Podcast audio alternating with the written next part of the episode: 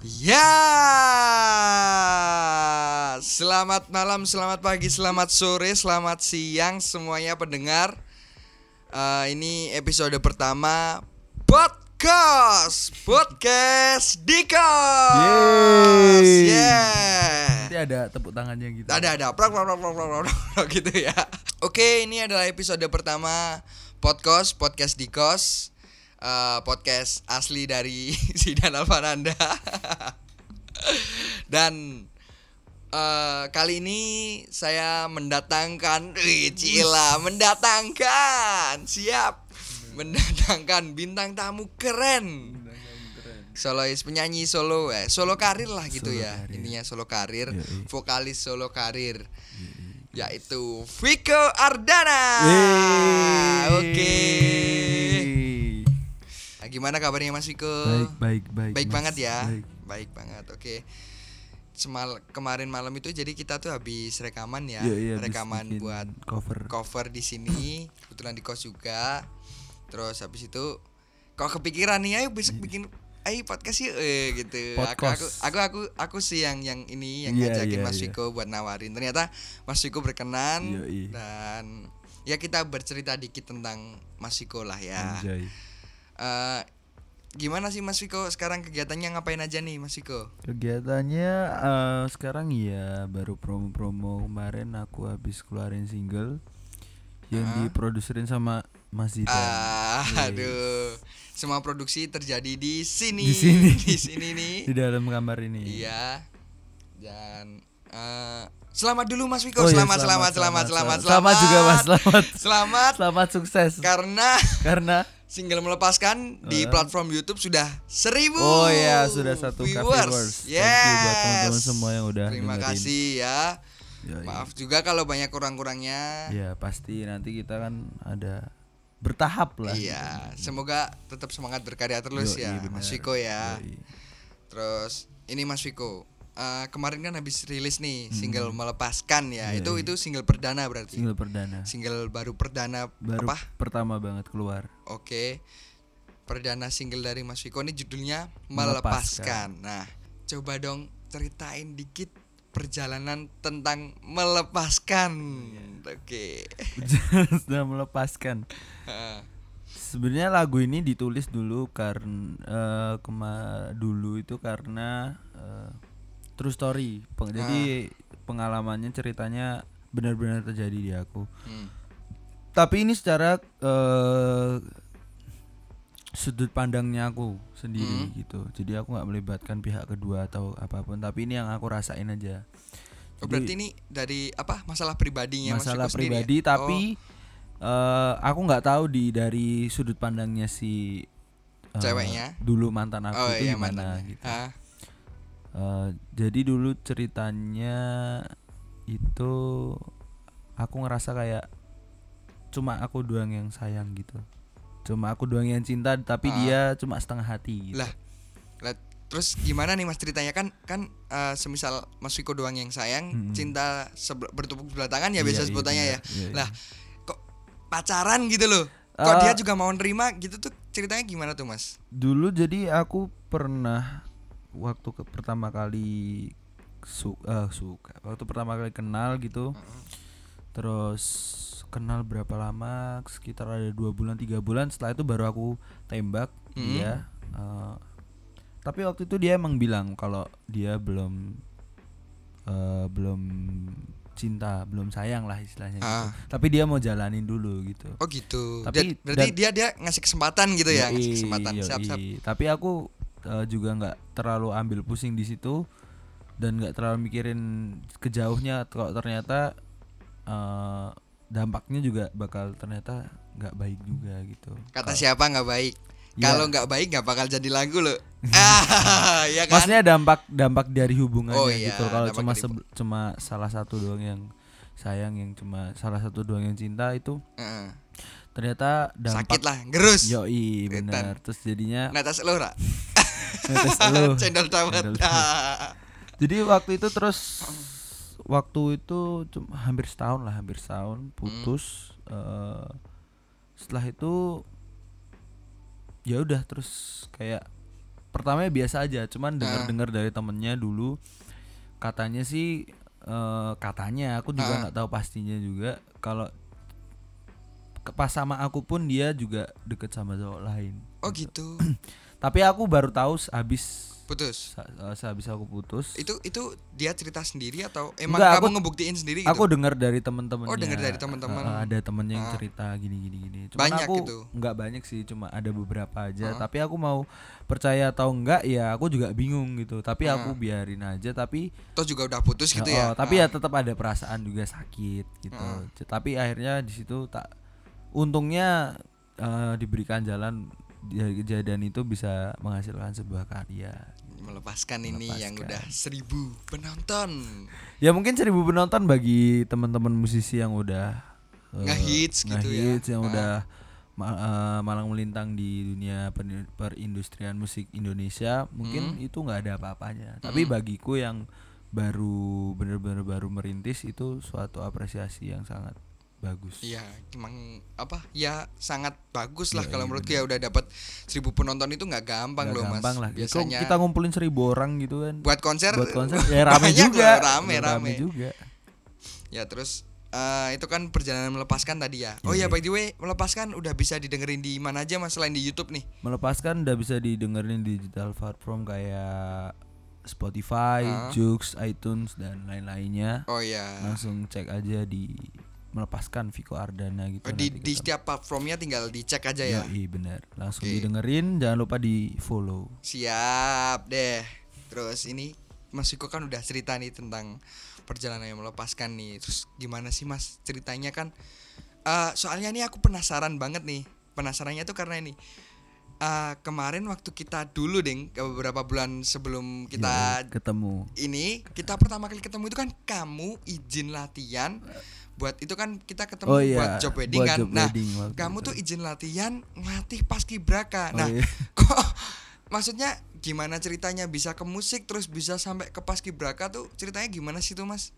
Yo, kalau paskibraka sebenarnya dulu itu karena dari sekolah itu Mm-mm. aku ditunjuk buat jadi eh, waktu itu ikut seleksi paskibraka gitu kelas 1 SMA.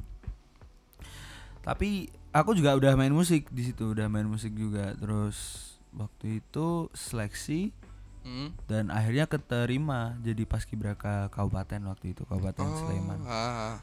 Terus terus Terus aku itu itu kelas berapa? SMP. kelas 1 SMA. SMA. Kalau paskibraka itu tingkatnya SMA. Oh iya iya. iya. Ya, terus setelah itu pas itu tahun 2017 aku tugasnya. Terus kita kan ketemu 2019. 19. Ah. Posisinya waktu itu kan kalau nggak salah jobnya sekitar Agustus. Ah, ah. Dan Agustus itu aku lagi ada ngelatih Karantina, itu kan karantina ah. adik-adik tingkatku yang Ah, pas benar, benar. 2019. Jadi waktu itu aku izin. Ya, jadi aku ikut paskibraka itu ya nggak tahu juga bisa keterima gitu. Nggak tahu. Tapi dulu ada apa kayak seleksi bakat gitu ya. Aku Mm-mm. bakatnya juga musik juga. Oh. Nunjukin bakatnya musik juga gitu. Terus cerita dulu nih Mas apa bisa cemplung ke musik tuh gimana? Kalau ceritanya dulu kalau main musik tuh sebenarnya aku kalau nyanyi udah dari lama dari SD itu udah nyanyi. Dari ETK, TK udah suka nyanyi itu dulu pertama kali paling fans banget sama Peter Pan. Mm-mm. Sama Peter Pan terus kelas 1 SD sampai kelas 4 SD itu aku di Lampung. Habis itu aku pindah ke Jogja dari kelas 4 sampai sekarang. Mm. Eh, terus itu dari kelas 4 ketika pindah ke Jogja tuh aku jadi suka solawatan gitu. Eh, kelas 4 Ya, kelas SD. 4 SD jadi suka Solawatan. solawatan. Heeh, jadi aku sering apa jadi vokalis solawatan gitu hadro-hadro. Oh. Sempat ikut lomba pidato-pidato gitu Ah. juga. Terus SMP aku mondok kelas 1 SMP sampai kelas 3 SMP. Itu aku Mo- jadi vokalis hadro juga gitu. Mondok. Pondok pesantren. Oh, pondok maksudnya pesantren. Kirain pondok di rumah sakit. sakit apa gitu? Tiga tahun kan? Habis itu di pondok pesantren 3 tahun jadi vokalis hadro terus di SMA nih pengen keluar aja lah di SMA biasa gitu kan. Mm-mm. Du- terus tertarik buat ngeband-bandan lagi dulu karena ada ekskul band terus aku pengen Hmm. ikut dan dari situ aku sering dengerin Sheila on Seven nah Mm. jadi yang bikin semangat ke band waktu dulu SMA itu awal-awal Sheila on Seven Itu itu apa? Bikin semangat ke band lepas dari Islamiah Islamiah gitu ya ya. nggak lepas juga sih sebenarnya Masih masih hadrohnya masih, hadroh berjalan. juga cuman aku nambah Nyoba nyoba gitu Nyoba-nyoba untuk buat itu. ngeband gitu. Ha, terus ternyata lama kelamaan jadi jadi jadi hobi juga jadi passion terus kalau awalnya bisa sampai maksudnya muncul di permukaan gitu Uh-uh. kayak eh, manggung-manggung reguler Uh-uh. terus bangun-bangun event beberapa event gitu Heeh. dulu dimulai tuh pas aku kelas 2 SMA jadi kelas Ah. 2 SMA itu aku dulu eh, pertamanya ngamen ngamen. Yoi. Itu kelas 2 SMA Kelas udah SMA, ngamen kamu. Ngamen. Uh. Gila gila. ngamen itu karena eh karena dulu kalau aku mau minta orang tua untuk kebutuhanku aku butuh apa gitu aku Mm. mikir pasti nggak bisa langsung dikasih karena adikku banyak kan Mm. jadi mungkin aku jadi aku mikirnya aku nggak mungkin diduluin gitu loh Mm. jadi mau nggak mau aku harus bisa ngasilin duit sendiri buat apa yang mau tak beli gitu Iya benar. dulu mikirnya gitu jadi yaudah aku ngamen dulu aku ngamen di jalan di Malioboro dulu Mm. di Malioboro terus ngamen kelas 2 Berapa tahun itu ngamennya kira-kira? ngamennya ada lah dua tahunan Dua tahun Dua ngamen ya. tahunan ngamen. Ah, pas kelas 3 mau UN aja aku ngamen. Kelas 3 iya pas Oh, besok UN aku ngamen malamnya. Bener-bener ngamen gitu ya. ngamen bener Keliling gitu. keliling gitu Jalan-jalan ke iya di antar warung gitu, Mas. iya di antar lesehan itu Oh, Malioboro itu. Kan ah, lesehannya sederet tuh. Ah, ya udah ah. sederet itu di ngamenin semua gitu pindah-pindah. Terus dulu itu kelas 2 mulai ngamen eh sampai dulu pertama ngamen pinjem gitar temen Oh, masih belum punya gitar belum punya sendiri. gitar sendiri Ah. pinjem gitar sebelumnya udah punya sebenarnya Ah, jual HP beli Karena gitar apa? uangnya Da- dari, jual HP ku ya. sendiri gitu Ah. terus eh, ter- tapi dulu belum tahu gimana caranya kerja atau gimana jadi gitar itu nggak malah nggak ngasilin apa-apa gitu Mm-mm. tapi eh, terus bukannya aku nabung tapi gitar itu tak jual lagi gitu Ah. tak buat beli HP lagi gitu jadi sebenarnya gitar Oh, aku agak ada rasa bersalah sedikit karena gitar itu gitar pertamaku heeh. Tapi malah dijual lagi tapi gitu. dijual lagi Ah. tapi abis itu aku ngamen pinjem gitar temenku Hmm. ngamen ngamen ngamen duit kekumpul akhirnya bisa beli gitar Ah. nah aku beli gitar itu sama kayak gitarku yang pertama Oh, gitu Untuk- buat buat nebus rasa Ah, bersalah buat gitu nebus lah. rasa bersalahku dulu kalau aku udah jual gitar pertamaku Hmm. Habis itu dari gitar itu aku mulai ngamen ngamen ngamen lagi sampai terus aku mikir eh, Hmm. kadang ada terlintas kayak cobalah apa ngamen maksudnya siapa tahu nanti ada yang ngeliat maksudnya ada yang ngajak buat manggung gitu Mm-mm. Tap- terus eh ya waktu ke waktu terus akhirnya suatu hari suatu waktu itu ada pas aku udah kelas 3 awal-awal tuh kelas Mm. 3 sama awal-awal aku ngamen di eh mana di depan hotel Mm-mm. di lesehan tapi Ah, lesehannya tuh posisinya di depan, hotel, gitu. ah, ah. Ina Garuda waktu itu habis itu aku nggak tahu kalau ternyata ada orang hotel yang merhatiin di situ terus Mm-mm. pas aku udah selesai di lesehan itu aku mau Mm-mm. pergi ke lesehan eh, sampingnya Ah. aku dipanggil sama orang hotelnya itu terus mas mas ini gitu Mm. terus dari situ ditawarin job terus dikontrak gitu Mm. dikontrak segala macem akhirnya deal eh, selama lima bulan dari Januari sampai Januari Februari Mei sampai Mei Mm. terus berlanjut lagi puasa sampai lebaran Hmm. dikontrak jadi total kira-kira ada 6 7 bulanan lah Ah, ah. 6 7 bulanan dikontrak di hotel itu Ah, itu bener-bener kayak ngerasain kayak wah enak banget ternyata kerja kayak gini ah. Itu pertama kali reguleran ya itu? pertama kali reguler setelah setelah apa ngamen, Setelah ngamen, struggle di ah, jalanan gitu iya, bener. terus ngerasain apa reguleran di hotel gitu Oh, ya oh, kayak Ah, ah. beda banget gitu mas terus habis itu eh udah selesai terus kontraknya habis. Eh, mau- karena udah keseringan megang duit kan Mm-mm. Ya udah mau nggak mau kalau nggak pegang duit ya nggak enak juga. Akhirnya Hmm. ngamen lagi balik ngamen lagi. Mm. habis itu ngamen habis itu ada audisi The Voice tuh kalau nggak salah waktu Mhm. itu. Terus aku ketemu sama namanya Bang Nanta. Michael Ananta. Ya kenal kamu? Ah, kenal kenal juga. Nah, Ah, sama Bang Nanta itu ngobrol-ngobrol gitu. Eh, habis itu dari situ sering kontak-kontakan eh, suatu waktu Bang Nanta minta tolong aku gantiin dia gitu. Mm-mm. minta tolong gantiin dia terus dia udah dari situ kenal sama temen-temennya Bang Nanta Mm. terus nyebar nyebar nyebar akhirnya pada kenal aku aku pada kenal teman-teman musisi Jogja gitu akhirnya semakin ke sini sering diajak main sini sini sini pertamanya cuma gantiin gantiin doang Mm-mm, gantiin Bang Nanta gitu. gantiin Bang main. Nanta Ah. gantiin teman-temannya Bang Nanta yang nggak bisa gitu Oh, yang iya, iya, teman-teman vokalis gitu Mm-mm. sampai akhirnya eh, sekarang ya akhir-akhir ini udah dapet tempat sendiri lah istilahnya buat reguleran maksudnya yang benar-benar netep di situ Nah. gitu kayak kontrak lagi kayak dapat Aha. kontrak lagi tapi beberapa eh, beberapa waktu sering juga eh, gantiin juga masih gantiin terus Mm. Mm. ya kayak gitu Itu itu itu cerita apa? Gimana bisa awal-awal masuk Iya. ke reguleran gitu ya, Mas. Terus by the way ini aku juga heran sih sama Mas Viko nih. Gimana? Sebelum aku kenal sama Mas Viko langsung itu kan aku lihat postingan beberapa teman-teman ini SMA aku yang Iya, iya. anak SMM itu kok pada manggung sama Mas Viko. Ini bandnya tuh ini salah satu band hits lah Band ya hits. di SMM siapa sih yang nggak tahu? Nah, gim- 66 ya 66 bener 66 banget. project Kan sebelum kita kenal kan kamu udah udah sama 66 dulu ya? Yoi. Itu. Lah itu gimana sih Mas ceritanya kok bisa kenal sama teman-teman teman-teman gitu-gitu? 60. ha, ha, dulu awalnya ke- kenal sama teman-teman 60 itu eh, pertamanya kenal sama David Mm. sama David yang main sakso Mm-mm. David sakso terus waktu itu aku ngamen Mm. masih ngamen juga terus tiba-tiba ada orang dinas Malioboro dinas Mm. pariwisata gitu eh, manggil tuh dari belakang Mm-mm. habis aku habis ngamen terus mas mas gitu iya gimana mas mau nggak sekarang ngisi di depan mall waktu itu Sekarang ada ini Iya langsung gitu. langsung pada saat itu. ah. waktu itu ada kayak gelar budaya gitu tadi ah. jadi setiap jalan sepanjang jalan Malioboro itu ada titik-titik uh, Mm-mm. buat pentas hiburannya gitu Mm-mm. pas itu dia nawarin aku bener-bener dadakan di depan mall gitu terus Mm-mm. aku bilang oh boleh mas boleh gitu habis itu udah kita main di sana terus itu awalnya aku sama temanku yang ngamen waktu itu karena Mm. dadakan terus dia minta kontakku habis itu bulan depannya ada lagi aku dikontak lagi gitu Mm.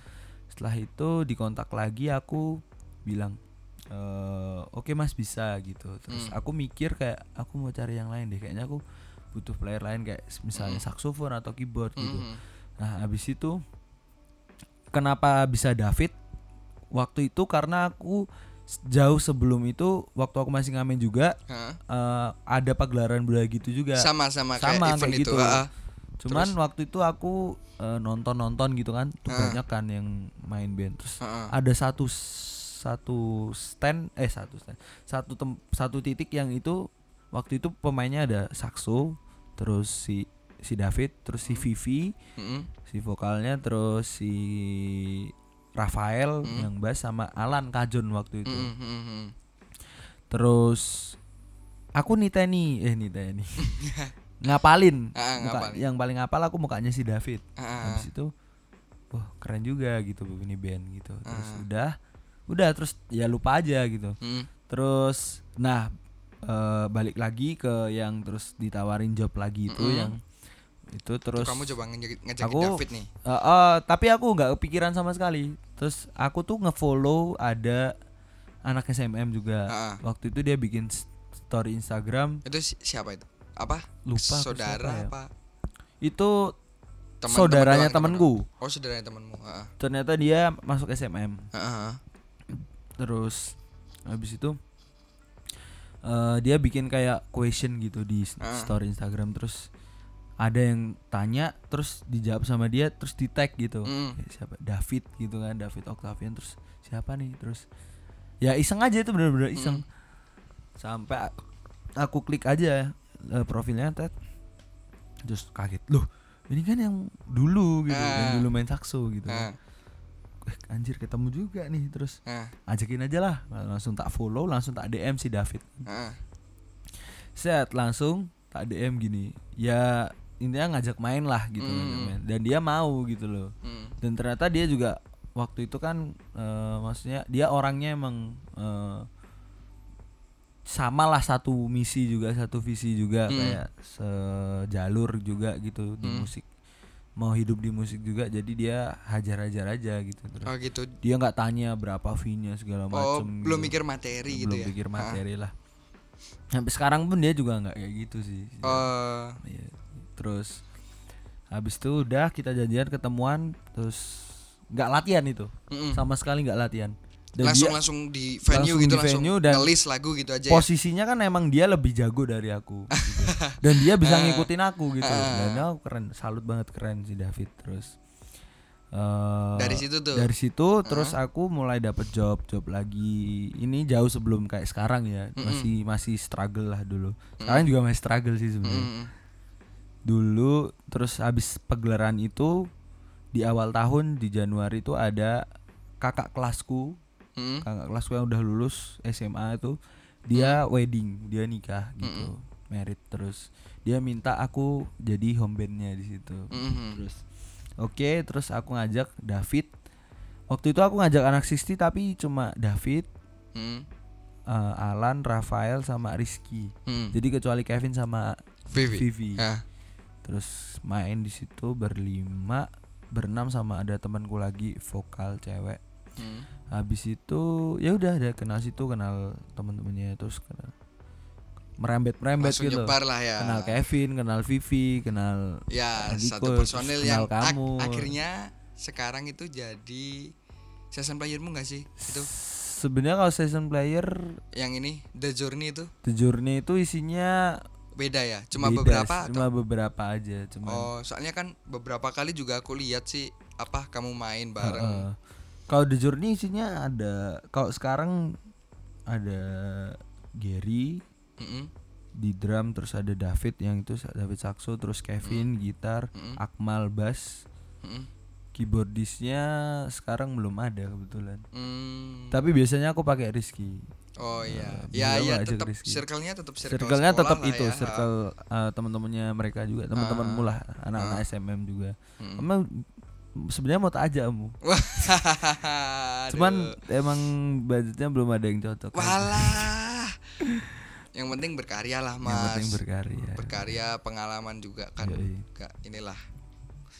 Terus ini kan udah ibaratnya ya udah sukses lah ya di Bo, belum pertama. belum belum anjir maksudnya gimana ya untuk awalan itu udah Iya, menjadi benar, awal yang baik tuh loh mas Iya, udah iya menjadi sih. suatu awal yang baik bersyukur lah dalam waktu berapa ya kita tuh upload tuh kapan sih mas itu eh tanggal 10 apa berapa ya? Ntar nih, nih cek YouTube cek YouTube dulu nih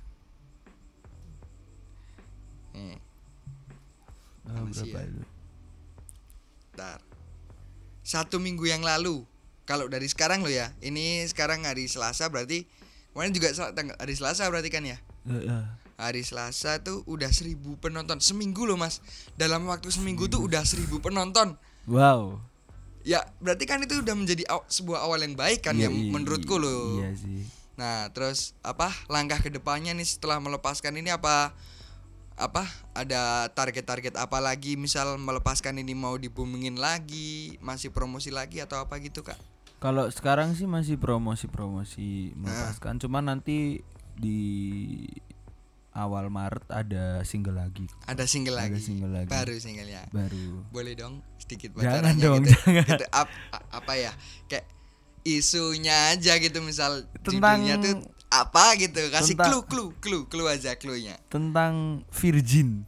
tentang virgin Virgin. perawan Berawal. perawan ya kayak gitulah. Heeh. Ya tapi bukan yang mesum-mesum gitu, Oh, enggak. sange Enggak, enggak. Heeh.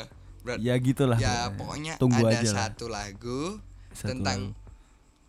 perawan Tentang- gitu ya ya enggak tentang perawan juga sebenarnya. terus Hmm, tentang sosok gitu. Eh, tentang sosok. gitu. ah ya seseorang Sosok ya kun- kuntilanak. itu kira-kira kapan tadi Februari Eh antara Februari akhir atau awal Maret. Nanti Oh, gitu. ditunggu aja. oke oke oke ya semoga singlenya itu juga bisa meledak lagi ya yang kedua ya Amin. jadi amin. penggarapannya digarap di mana atau sama siapa aja gitu kak Kalau yang single kedua nih kit- aku nggak bikinnya ngerjainnya di ada studio tempat Ah, Jogja juga ah. Eh, yang nge-produce si Mas Seto. oh Mas Seto yang produsernya ya oke oke Seto dari DS Record oh ah. produksinya juga sekalian di sana di sana Di juga semua studio ya? aransemen di Oke. semua di sana. oke berarti kita ting- tinggal tunggu aja ya kak ya Yoi. tinggal tunggu single kedua Yang kedua tentang ah, itu tadi pokoknya tentang sosok lah. Tentang sosok. Sesosok, sesosok, sosok gitu. ya sosok gaib. Gaib. Oke, berarti itu tadi Viko terima Yoi. kasih udah nyempatin waktunya buat Thank cerita you, tentang melepaskan you. perjalanannya Siap. dan gimana pun lah semoga sukses ke depannya. Amin. Sukses single-single berikutnya dan Amin, semoga guys. melepaskan tetap disimpan ya, Tetap jangan disimpan. jangan dilepaskan Jangan gitu. Dilepaskan. Masa tiba-tiba dilepaskan gitu ya. Ya oke. Berarti ini langsung masuk ke sesi berikutnya aja. Yoi. Sesi akustik. Oke, Oke, siap. sesi akustik. Oke, siap. akustiknya Kak Viko akan bawain lagunya melepaskan, Melepaskan, ya single ya. terbarunya ya. Oke, yoi. kita bawain versi akustiknya. Oke. Siap-siap dulu Kak Viko. Siap, oke. Dan ini dia Viko Ardana melepaskan.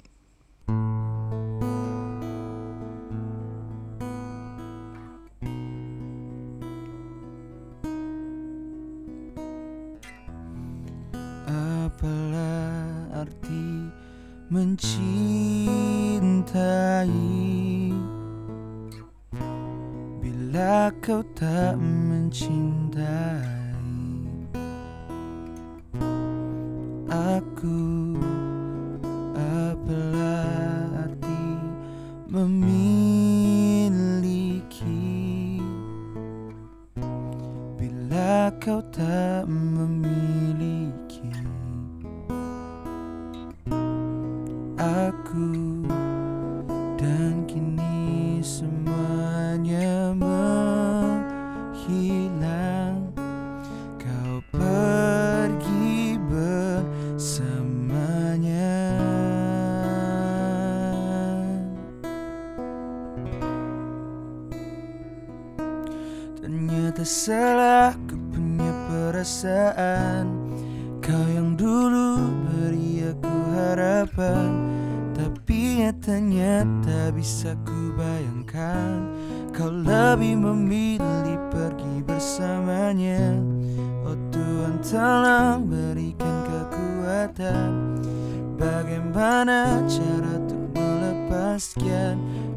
satu hal yang pasti aku tahu. Ku mencintaimu Tapi kamu tidak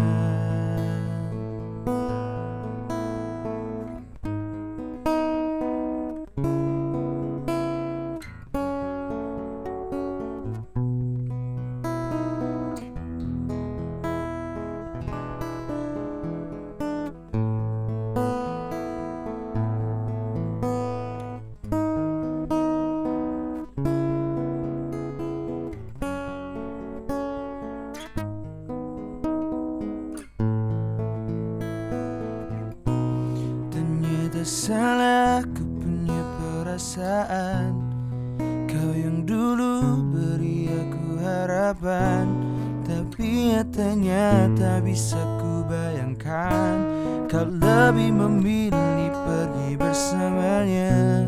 Oh Tuhan tolong berikan kekuatan Bagaimana cara untuk melepaskan?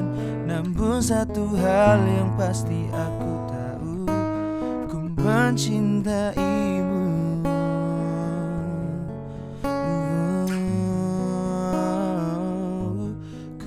Oh, Ku mencintaimu